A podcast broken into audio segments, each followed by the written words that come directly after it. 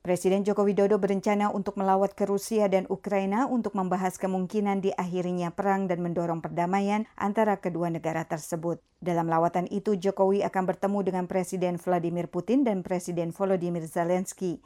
Hal ini diumumkan Menteri Luar Negeri Retno Marsudi dalam jumpa pers secara virtual pada Rabu. Dia menekankan Jokowi akan menjadi pemimpin Asia pertama yang melawat ke Kiev dan Moskow setelah Rusia melakukan invasi ke Ukraina pada Februari 2022. Kunjungan presiden ini menunjukkan kepedulian terhadap isu kemanusiaan, mencoba memberikan kontribusi untuk menangani krisis pangan yang diakibatkan karena perang dan dampaknya dirasakan oleh semua negara, terutama negara berkembang dan negara dengan penghasilan rendah, dan terus mendorong spirit perdamaian. Menlu tidak memberitahu jadwal kunjungan Jokowi ke Moskow dan Kiev tersebut. Namun ia menambahkan kunjungan ke Rusia dan Ukraina itu dilakukan dalam konteks Indonesia sebagai Presiden G20 yang memilih untuk mencoba berkontribusi dan tidak memilih untuk diam.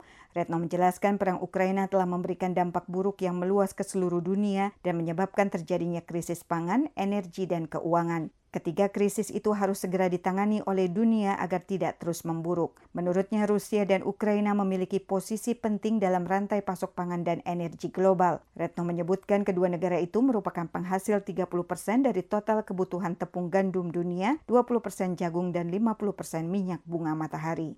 Menanggapi rencana lawatan Jokowi ke Rusia dan Ukraina, peneliti hubungan internasional dari Badan Riset dan Inovasi Nasional atau BRIN Nanto Srianto menilai kunjungan Jokowi ke kedua negara tersebut tidak akan berdampak langsung terhadap beragam upaya untuk menyelesaikan perang. Namun dia menegaskan lawatan Jokowi itu merupakan bentuk perhatian dan sinyal penting Indonesia dalam berdiplomasi. Dalam hal ini saya cukup skeptis karena melihat bila Indonesia sendiri dalam kapasitas untuk menjadi mediator akan terlihat kurang kapasitasnya ya, uh, terlebih bila dilakukan sendiri dan untuk itu Indonesia perlu kemudian bukan hanya uh, secara langsung meminta kedua belah pihak untuk menghentikan, tapi juga Indonesia perlu membangun koalisi untuk memberikan tawaran-tawaran perdamaian. Untuk itu tegasnya usaha mediasi tersebut harus dibarengi dengan peningkatan posisi tawar Indonesia sebagai mediator. Sementara itu pendiri Sinergi Polaisis Dina Prapto Raharja berharap Jokowi nanti bisa memecah kebuntuan yang sampai saat ini masih terjadi. Selain itu, menurutnya penting juga bagi Jokowi untuk bertemu dengan Volodymyr Zelensky dan juga Presiden Amerika Serikat Joe Biden untuk membuka ruang diskusi atau dialog yang diharapkan bisa memecah ketegangan yang terjadi.